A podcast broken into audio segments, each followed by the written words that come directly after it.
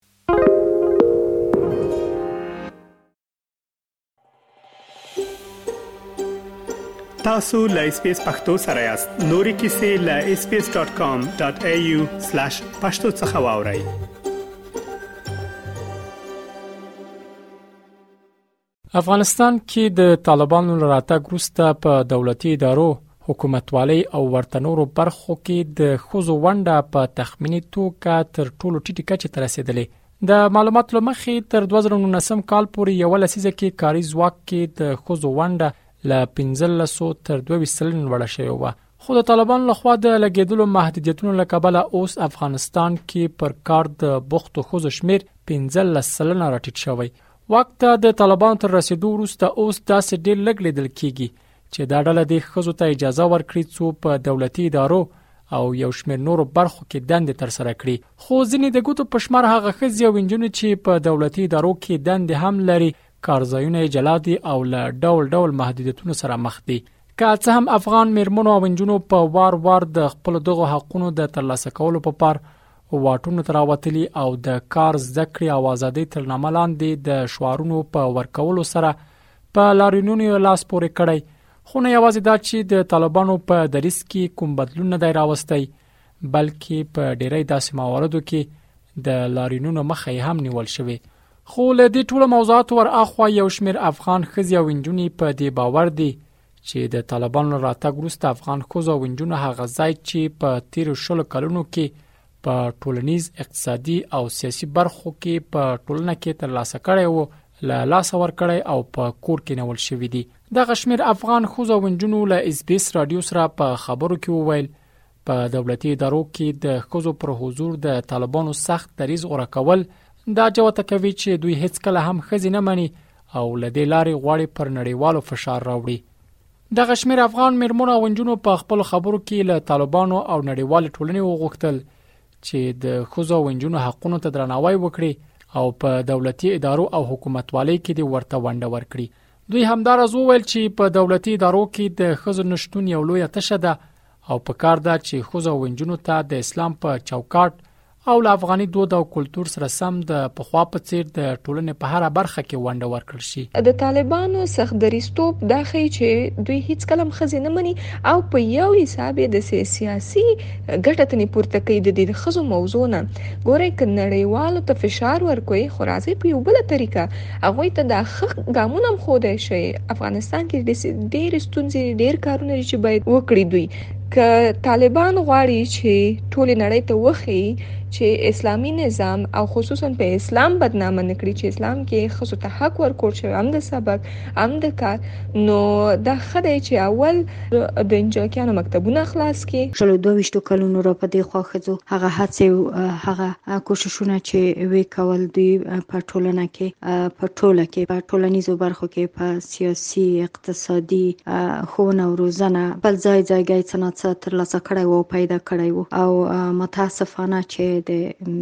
طالبانو په راتګ سره ښځې په کور کېناست. زموږ هیله د اسلامي امارت څخه دا ده چې د ښځو حقونو پلي کولو لپاره د نجونو مکتب دروازې خلاصول دي او همداسې د نړیوالو څخه غوښتنه دا ده چې د امارت اسلامي حکومت سره په یو تعامل کې راشي او د انجونو حقونو پلي کولو لپاره یو ګډ او مشترک ګام عملي کړي. د طالبانو راتګ سره هممهاله ګڼو ښځو په تېره دولتي ادارو کې داسې مهال خپلې دندې له لاسه ورکړې چې پر ځای نارینه ګمارل شوي دي چې اوس د کال له سختو اقتصادي ستونزو سره مخ کړي دي د خزو د حقونو مدافع او فعالان بیا په دولتي ادارو حکومتوالي او ورته نورو برخو کې د خزو ونډه اړینه بولی او له طالبانو غواړي چې د یو کاري ځواک په توګه دي د دوی وضعیت ته پام وکړي او تر دې لا ډېر دي نه زپي دوی د غراس په دې برخه کې امریکا او په تیر بیا نړیواله ټولنه ګرام وبلله چې د افغان خوځو او انجونو د اساسي حقوقو پښتنه نه کوي او هغه څه چې په کار د افغان خوځو غږ نه دی اوچت کړی فکر کوم چې خزه ته ضرورت شته دی په جامعه کې باید ونډه ورکول شي امارات اسلامي نه غواړو چې خزو ته ونډه ورک او دا ډیر ضروری دی د افغان خزو ونډه په حکومت کې خلاصه کې چې اته حقونه چې د دوی بنیادی حقونه دي لکه مکتب ته تګ لکه مثلا تعلیم ته لاسرسي صحت ته لاسرسي او د یو حلال مړی ډوډۍ د لپاره په حکومت کې کار دا ټول ور باندې قید شوی دي خو هیڅوک اته په دنیا کې هغه څه چې خای د افغان خځو غږی نه دی اوچته کړ ورته وخت کې د طالبانو سرپرست حکومت بیا د غوندښنو ته په جواب کې وایي چې اوس هم په دولتي ادارو کې د خځو ونډه د پخوا په څیر ډیره بارزه او ملموسه ده او په ټولو هغو اداراتو کې چې خځو ته د کار او فعالیت اړتیا لیدل کیږي هلته عملا خځې ګمارل شوې دي او خپل دندو ته ادامه ورکوي د دې ډلې د ویاند مرستيال بلال کریمی له اس بي اس رادیو سره په خبرو کې وویل چې دوی د خزو د کار کولو مخه نه ده نیولې او ټول خزینه کارکونکو چې په ټولنه کې ورته اړتیا وي هغوی به بیرته دندو ته راستنیږي او د اسلامي شرایطو سره سم به ورته د کار کولو زمينه برابرېږي د خوندو یا په عموم کې د شذو ونډه په اداراتو کې په دولتي اداراتو کې د حکومت په اداراتو کې ډېره باريزه او ملموسه ده، په ټولو هغو اداراتو کې چې د دوی د کار او فعاليت او د وظايفو ترسره کولو اړتيا ليدل کېږي، دوی په کار ګومارل شوي دي، خپلو دندو ته ادامه ورکوي، د بېلګې په ډول تاسو پوهېږئ په داخله وزارت کې دوی د پوليسو په چوکاټ کې استخدام شوي دي، کار کوي چې په هغو ځايونو کې چې په عملياتو کې اړتيا ورته پيدا کېږي يا په تلاشيو کې له دوی څخه استفاده کېږي او همدارنګه د صحت په وزارت کې خو د ټول هېواد په کچه په خانو، کلینیکونو په ټولو اداراتو کې چې د دوی د کار زمینه برابرېږي دوی